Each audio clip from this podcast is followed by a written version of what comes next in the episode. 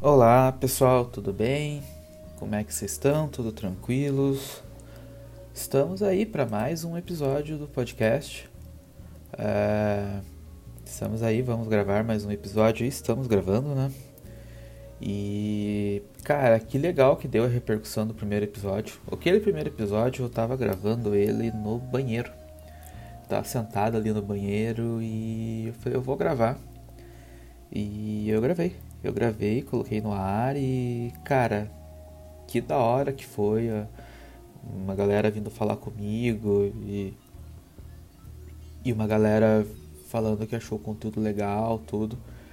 Enfim, isso que eu queria. Eu queria um espaço para reproduzir um pouco de conteúdo e que eu conseguisse produzir isso de uma maneira prática e eu acho que eu consegui, sabe? Eu tô agora aqui na, no meu escritório, aqui no meu escritório na minha casa, é, arrumando as coisas para começar o dia, né? Porque agora é oito e pouquinho da manhã. E eu tô gravando aqui, sabe? Então é essa praticidade que eu queria, assim. Eu sei que eu talvez eu perca um pouquinho de qualidade de áudio, tudo, mas eu acho que ficou legal, ficou bacana ali o, o jeito que eu, que eu coloquei ali, que eu, que eu, que eu fiz o, a edição. Eu não sei editar áudio, então eu edito no Premiere. E na verdade eu só coloco uma trilha no fundo, né? Eu não faço uma edição, né, do negócio. Então, eu acho que ficou bacana ali o jeito que foi feito, tudo. E, enfim, eu acho que, que vai, vai dar boa esse projeto, vai ser, vai ser legal. Por algum motivo, quando eu vou gravar áudio no meu celular, aqui no gravador de áudio, no aplicativo de gravador de áudio, ele fica ali aparecendo Sindicato Rural. Enquanto eu tô gravando, eu não faço a menor ideia do porquê tá, tá feito isso. Eu não sei. Eu nunca fui no sindicato rural na minha vida.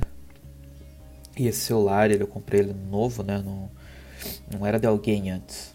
Então eu comprei ele zerado na caixa. Então eu não sei por que, que tá sindicato rural ali. Mas bora lá. Aqui do podcast eu fiz um. A divisão de conteúdo que eu fiz vai fazer é assim.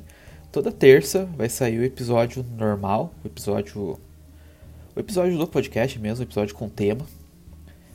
Então, toda terça vai ser esse episódio, que é o que você está ouvindo agora. E toda sexta eu vou fazer um episódio de resposta de perguntas. Então, eu já tenho um banco de perguntas que eu recebo ali no meu Instagram, que eu abro caixinha de perguntas há um tempo ali já, eu já tenho isso. Mas eu vou abrir uma caixa de perguntas especial do podcast e, enfim, eu, eu sei que não vai chegar um monte de perguntas de primeira ali para eu, eu já tocar o episódio, então eu vou ter que usar as antigas ali pelo menos de início. Mas é, eu acho que vai ficar, vai ficar fluido, vai ficar bacana, enfim. É uma forma que eu tenho de conversar também. Quando eu tinha o mundo de Cris, eu conseguia fazer. É, eu abria aquele, aquele negócio lá que a galera manda pergunta anônima, enfim. Como era um negócio que eu tava me expondo muito ali, eu sabia que as pessoas não iam interagir comigo de cara limpa, né? E eu criei ali, enfim, tive algumas interações, tudo, e, e foi bacana, foi legal. E estamos aí, estamos aí pro, pro episódio. Eu queria falar hoje um pouquinho sobre um assunto que eu tenho estudado muito, assim, que eu tenho que eu tenho prestado muita atenção, que é a tal da autenticidade de marca. Cara, assim, a gente tá num mundo, num mundo o mundo como um todo, assim, que cada vez mais você ser você mesmo é um problema, sabe? Cada vez mais você ser autêntico, você trazer as coisas que você quer. Isso é um, isso não é tão bem aceito assim. E porque assim a gente já vem de uma era, uma várias é, eras ali, vários espaços de tempo onde as, as pessoas tentam colocar a gente dentro de caixinhas, né? Então, você tem que se encaixar num padrãozinho ali, num padrão que a sociedade quer que você se encaixe, que as pessoas querem que você se encaixe para seguir junto com elas, né? E acaba que a gente a gente perde um pouco da essência do que é ser a gente mesmo ali. A gente acaba se podando com isso. Então pode ver quando a gente é criança, a gente é de uma forma, a gente A gente é simplesmente é a gente quando a gente é criança. Quando a gente é adolescente, a gente já começa a se podar um pouquinho mais, mas é a fase da rebeldia, né? A gente fala, cara, por que, que eu tenho que ser dessa forma? E quando a gente é adulto, a gente tem que arrumar emprego, a gente tem que pagar conta, a gente vai se encaixando nessa caixinha ali e a gente não sai mais. E se você notar muito bem, assim, todas as pessoas que têm sucesso, a partir do momento que elas têm sucesso, que elas ganham dinheiro, elas acabam se libertando dessas amarras e elas acabam saindo desse, desse padrãozinho ali, sabe? É, eu tiro muito sarro de terno e gravata. Eu sempre tiro muito sarro, assim, porque. Cara, é, eu acho que é uma roupa que fica estilo, fica legal ali. Tem gente que fica muito bem de terno e gravata. Mas, cara, não é uma roupa nada prática, não é confortável. E, cara, tem roupas mais legais, sabe? Tem, tem estilo de roupa mais legal.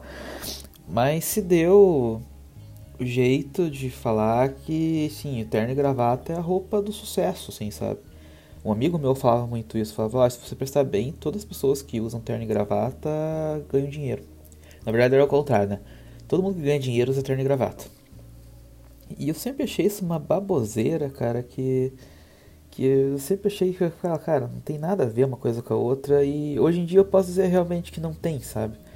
Porque a gente está vendo uma série de pessoas que ganham dinheiro que os caras falam, cara, foda-se, foda-se, eu não vou me encaixar nesse padrãozinho aí, eu já atingi o padrão, o, o que eu queria e eu não quero me encaixar nesse padrãozinho de novo, sabe? Então, Cara, se você vê, tipo, ah, eu, eu vou participar de um evento, é tudo muito padrãozinho, assim, sabe? Eu vou começar a me destacar no Instagram, é um padrãozinho de gente que, que produz a mesma, a mesmo padrão de conteúdo, sabe?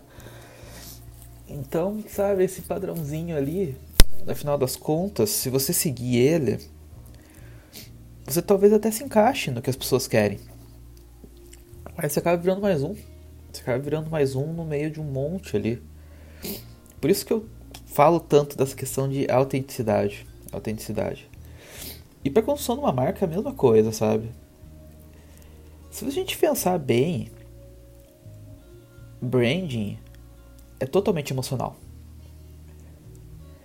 Eu vi essa frase da, da Beatriz, da Beatriz do Beats to Brand, que ela fala que a maioria dos processos de compra de uma pessoa elas são feitos no subconsciente, né? Então as pessoas não sabem muito bem por que, que elas tomam as decisões de compra que elas tomam. Uma vez que isso acontece, por que, que eu quero trabalhar tanto racionalidade na venda de um produto? Sabe, tipo, como é que eu quero trabalhar uma marca uma, de uma maneira que seja racional, com uma maneira que seja padrão, com uma maneira que seja tipo, ai, compre o meu produto porque ele é bom, compre o meu produto porque ele é isso, compre o meu produto porque ele é aquilo, sabe? Sendo que a decisão de compra das pessoas, ela é, a maioria das vezes é baseada no, baseada no emocional. Então, a gente precisa trabalhar esse, essa autenticidade para a gente criar uma conexão com as pessoas, para que esse trabalho de marca seja feita dessa que cria essa conexão com a pessoa que a pessoa não sabe muito bem nem o porquê que ela está criando essa conexão, mas aquilo tem a ver com ela. E isso a gente só consegue com autenticidade, a gente só consegue sendo a gente mesmo, a gente consegue só trazendo alguns pontos que só a gente tem. A gente encaixando, fazendo o que o, as pessoas querem, o padrãozinho, a gente seguindo essa receitinha, a gente vai entrar numa competição com um monte de marcas, com um monte de empresas, com um monte de pessoas que talvez não seja interessante, que com certeza não vai ser interessante para você. Eu sempre, quando eu vou fazer um planejamento, eu sempre falo, eu tenho que fazer um planejamento onde a minha SWOT fortaleça a mim. Eu não posso fortalecer o meu concorrente na minha análise SWOT. E o que, que é isso? Tá, eu vou colocar meus pontos fortes. Eu preciso colocar pontos fortes e oportunidades que eu tenha, mas que o meu concorrente não seja melhor que eu naquilo ali. Ah, o meu produto é bom. Porra, legal. É, é o básico, né? Ótimo.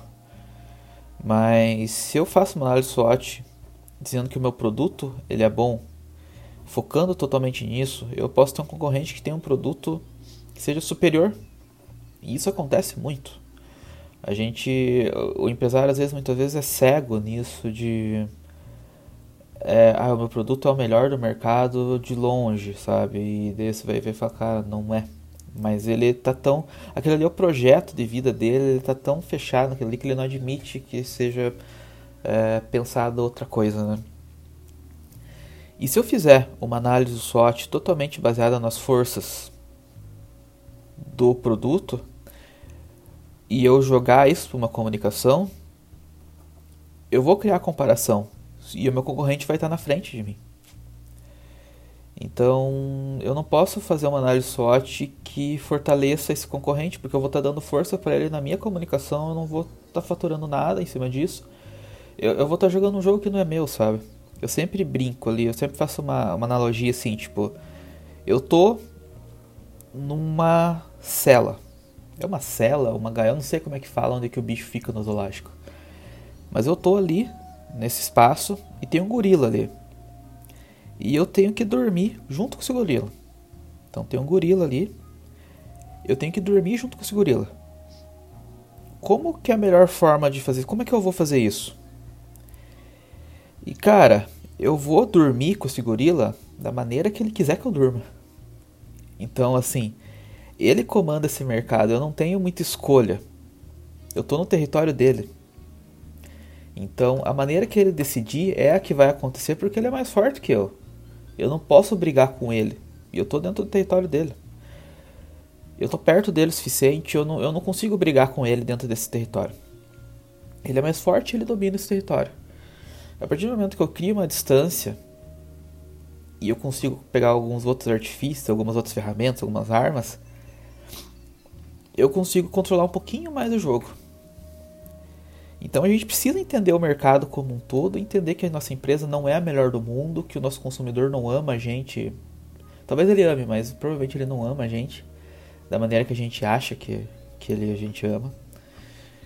Então é você saber jogar esse jogo ali. E sim, explicando tudo isso, por que, que eu falo tanto na autenticidade? Quando a gente vai jogar o jogo de marketing ali, o jogo do mercado, eu preciso trazer algumas coisas que sejam só suas. Eu preciso trazer essas ferramentas, essas referências que sejam somente suas. E cara, provavelmente você tem alguma coisa que seja só tua. A chance de você ter uma coisa que seja só tua e você jogar para o mercado isso, isso ser um diferencial de produto, é muito maior do que você ficar olhando o que as outras marcas fazem e você construir isso artificialmente, porque isso não vai ser verdadeiro. E cara, as pessoas percebem isso. As pessoas percebem isso de uma marca. Quando não é verdadeiro, quando aquilo ali é muito forçado. Quando aquilo ali é simplesmente jogado. Quando aquilo ali é feito simplesmente num. Aquilo ali é escrito simplesmente, não, não vem da pessoa, sabe? Então as pessoas percebem isso. Então, cara, como que eu vou trazer alguma coisa que seja só tua mesmo, que você não copiou de nenhum lugar e que você consiga usar isso a seu favor. Eu acho que um exemplo legal que eu posso trazer é da minha própria marca pessoal, sabe? Que por muito tempo eu briguei muito comigo mesmo. Eu briguei comigo mesmo de não entender quem eu era, de, de tentar me encaixar em alguns padrões, de olhar alguns amigos meus e falar, cara, eu tenho que ser igual a esse cara. E a partir do momento que eu me libertei disso e falei, foda-se, eu vou ser quem eu quiser, e comecei a usar as roupas que eu queria usar. É, então, assim, eu não sou. Eu não, você nunca vai ver eu de terno e gravata por aí, a não ser que seja, sei lá, um casamento, mas eu não vou em casamentos há muito tempo. Então, você vai ver eu de tênis, você vai ver eu de bota, você vai ver eu de chapéu, você vai ver sempre eu usando preto. É, tem fases que eu tô usando camiseta mais estampada, eu uso muito camisa de banda, tem fases que eu tô usando mais preto e branco, com a roupa inteira preta lisa. É, eu tenho meus piercings no nariz, eu já tá, eu tive cabelo rosa no passado, sabe? Então eu tenho minhas coisas da minha marca pessoal que assim, ninguém se confunde comigo. Outra coisa, eu sou um cara completamente introvertido e eu não tento forçar a extroversão porque eu sei que eu não me dou bem nesse território. Se eu tentar forçar a introversão, a extroversão, eu vou ser um cara completamente aleatório, sabe? Eu vou ser um cara é, enfim, eu, eu não vou ser igual os caras que são extrovertidos de verdade. Eu vou perder para eles ali naquele território. Então eu sou do meu jeito introvertido e isso talvez me limite algumas coisas, só que me potencializa para outras, porque eu consigo ser eu mesmo. Eu, eu não me importo de ser introvertido, eu não me importo das pessoas se incomodarem de eu ser introvertido. E cara, é isso aí, tipo, eu sou desse jeito e cara, quantos profissionais de marketing você conhece que abraça a causa de ser introvertido? e que vai para um palco e fala isso que é introvertido, cara, eu só conheço eu. Então, lógico, assim, vamos comparar o Chris com o Érico Rocha. Tipo, não, tipo, eu sou um cara que tô. Eu tô. Por mais que eu esteja 10 anos no mercado, eu estou começando nessa área de palestrante, de, de tentar vender meus produtos. Já tive outras tentativas e, enfim, eu acho que eu não tinha acertado a linha. Eu estou começando nessa área. Mas, cara, eu consegui ali alinhar algumas coisas que eu vi, tipo, eu tenho um diferencial e um negócio que talvez as pessoas considerassem que é uma fraqueza, eu potencializo para ser um diferencial meu. Então, eu, eu escrevo conteúdo sobre isso, eu, eu tenho toda uma palestra que é Intraconexões, que ela pega a introversão e faz uma ligação com a autenticidade de marca e branding, que é do caralho. Então, pessoas, contratem essa palestra, levem para seus eventos, porque ela é legal pra caramba eu estou escrevendo meu livro, enfim. Tem várias questões ali que eu consigo potencializar a minha autenticidade de marca através de um negócio que talvez as pessoas considerassem uma fraqueza. Mas eu não considero uma fraqueza, eu considero que é, é a minha essência de marca e isso que vai me levar longe. Então, assim, com esse exemplo da minha marca pessoal, é assim, é olhar muito para você e ver o que, que só eu tenho, o que, que só eu tenho que é interessante, que é legal, que as pessoas podem se identificar, o que, que minha empresa faz que nenhuma outra empresa faz? Pega, faz uma lista, faz uma análise SWOT de todos os seus concorrentes e vê, tipo, cara, essa empresa faz isso, essa empresa faz isso, essa empresa faz isso, e eu faço isso. Isso aqui é o meu diferencial, isso aqui é, meu, eu, é onde eu tenho potencial de vender mais, isso aqui eu tenho potencial de me destacar. E trabalha isso no marketing verdadeiro, um marketing direto. Enfim, trabalha as ferramentas de brand aí mas é pensar muito isso. Eu preciso ter autenticidade, a autenticidade tem que ser verdadeira, eu tenho que trazer pontos que sejam meus mesmos para minha marca. E isso pode ser a base do teu brand. Não fortaleça a análise, não fortaleça a análise SWOT do teu concorrente é, na sua, sabe? Você tem que fortalecer a tua, você tem que achar os pontos onde você de verdade consegue ser potencializado. Beleza, pessoal? É isso aí. O episódio tá com quase 18 minutos ali. Bora lá que eu tenho que trabalhar aqui. E sexta-feira a gente tá com o episódio de resposta de perguntas aí. Beleza, pessoal? Valeu. Bom dia, boa tarde. Não sei que hora você está escutando, boa noite. Enfim, bora lá. E valeu. Até mais, pessoal.